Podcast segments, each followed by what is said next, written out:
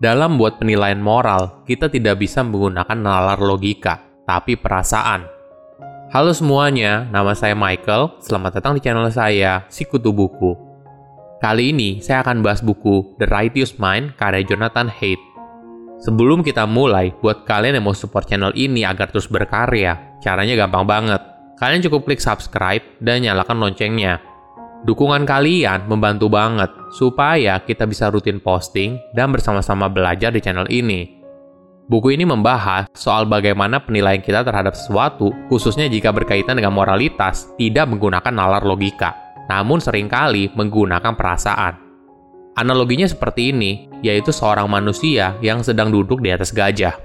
Manusia itu hanya bisa mengarahkan si gajah ke arah yang dia inginkan, namun semuanya tergantung pada si gajah Apabila si gajah menolak, maka tentu saja apa yang bisa dilakukan oleh manusia tersebut.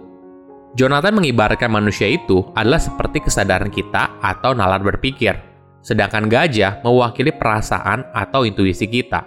Jadi, seberapa canggih atau rasional argumen kita, apabila tidak menyentuh perasaan, maka semua hal itu tidak akan mengubah perilaku seorang.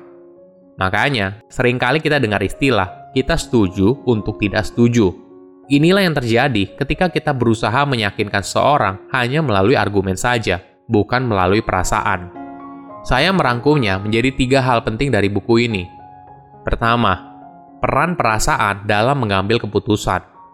Filosofi dunia barat sering kali mengagungkan nalar dan logika daripada perasaan selama ribuan tahun.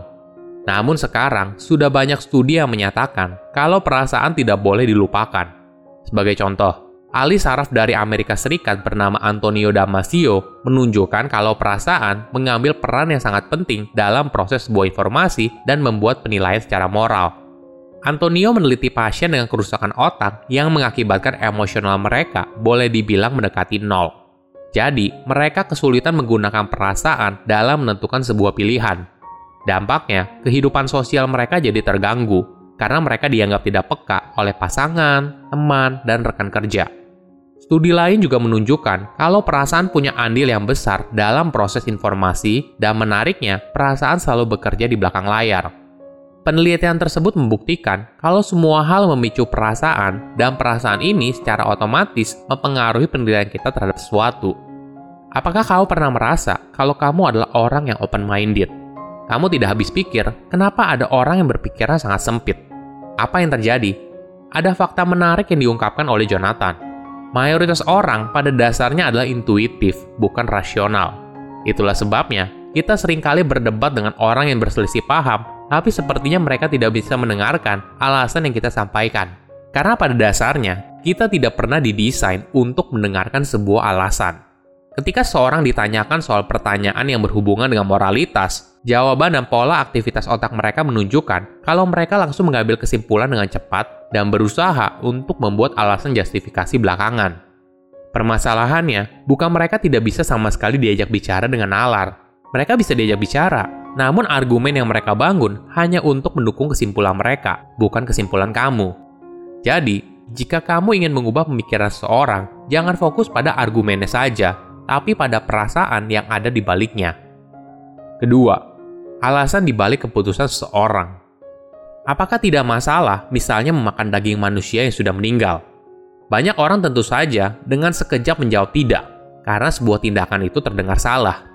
Ini sering disebut sebagai intuisi atau gut feeling yang sering kali mendorong sebuah penilaian moral. Kemampuan ini ternyata bukan hanya dimiliki orang dewasa. Ketika kita kecil, kemampuan ini juga mulai berkembang. Dalam sebuah eksperimen, bayi berusia 6 hingga 10 bulan menonton sebuah pertunjukan yang berisi dua boneka, boneka yang baik dan boneka yang nakal. Setelah menonton pertunjukan tersebut, mayoritas bayi memilih boneka yang terlihat baik. Hal ini menunjukkan kalau dalam hal penilaian secara moral, sering kali kita memilih tanpa bisa memberikan nalar yang baik. Inilah yang harus kita pelajari ketika berusaha mempengaruhi orang lain. Dalam buat penilaian moral, kebanyakan orang berpikir melalui intuisi mereka daripada nalar logika. Ada hal yang menarik di balik sebuah keputusan seseorang. Pada dasarnya, setiap orang selalu peduli apa yang dikatakan oleh orang lain. Riset membuktikan, orang yang bilang kalau dirinya cuek atas pendapat orang lain masih mengalami sedikit penurunan kepercayaan diri setelah diberikan rating rendah oleh orang asing. Ini menunjukkan kalau sejatinya kita peduli dengan reputasi kita di depan orang lain. Itulah sebabnya, sadar atau tidak, ketika kita membuat sebuah keputusan, maka di baliknya kita juga masih memikirkan bagaimana pandangan orang lain atas keputusan yang kita ambil.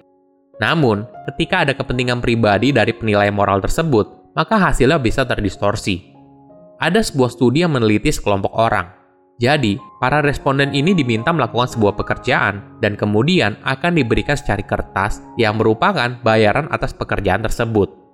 Ketika mereka menukarkan kertas tersebut dengan uang sungguhan, kasirnya berpura-pura salah membaca nominalnya dan memberikan uang yang lebih banyak.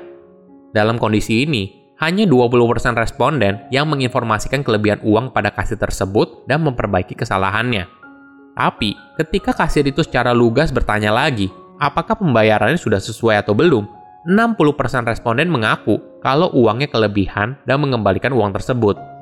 Hal ini menunjukkan jika ada kepentingan pribadi di sana, maka mayoritas orang akan curang ketika ada kesempatan tapi hanya sejauh apabila dia merasa kalau apa yang dia lakukan bukan berdasarkan kesalahan yang dibuat. Ketiga, manusia itu egois atau altruistik. Banyak orang setuju kalau banyak orang suka bersikap egois. Kita mau hidup yang lebih kaya, lebih sukses, lebih dihormati daripada orang lain. Tapi di sisi lain, manusia juga bisa menunjukkan sifat altruistik.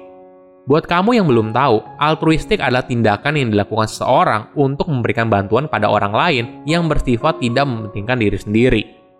Sebagai contoh, pada saat kejadian 9-11 di Amerika Serikat, ratusan orang Amerika rela berkendara dari tempat yang jauh ke New York karena mereka ingin membantu menggali korban yang selamat dari reruntuhan. Ini mungkin buat kita penasaran, kenapa ada gabungan dua hal tersebut? Jika dilihat lebih jauh, ternyata keegoisan seseorang dapat dijelaskan pada masa lampau. Pada zaman dulu, manusia secara individu diadu satu sama lain dalam sebuah kompetisi, hingga akhirnya menjadi manusia yang paling unggul. Ini yang membentuk pemikiran kita yang fokus pada kompetisi secara individu. Namun, evolusi mengubah pemikiran manusia juga. Evolusi membuat manusia belajar untuk bekerja sama dalam sebuah grup. Ketika sebuah grup berkompetisi dengan grup lain, maka grup yang menang biasanya adalah grup yang memiliki kerjasama yang baik. Jika di masa lampau seperti ini, ketika manusia purba sudah bisa bekerja sama dengan baik, maka hal ini akan meningkatkan kemampuan grup tersebut untuk bertahan hidup. Ada fakta yang menarik. Berkat evolusi, kita memiliki sesuatu yang disebut sebagai hive switch yang terprogram di dalam otak kita. Jadi, ini adalah sebuah perasaan bahagia di dalam sebuah grup yang bisa meningkatkan kedekatan antar individu dalam sebuah grup. Manusia punya cara yang unik dalam membuat sebuah penilaian moral. Jika kamu mau merubah pemikiran orang lain, jangan menggunakan nalar logika, tapi sentuh perasaannya. Silahkan komen di kolom komentar pelajaran apa yang kalian dapat ketika baca buku ini. Selain itu, komen juga, mau buku apa lagi yang saya review di video berikutnya. Saya undur diri, jangan lupa subscribe channel YouTube Sikutu Buku. Bye-bye.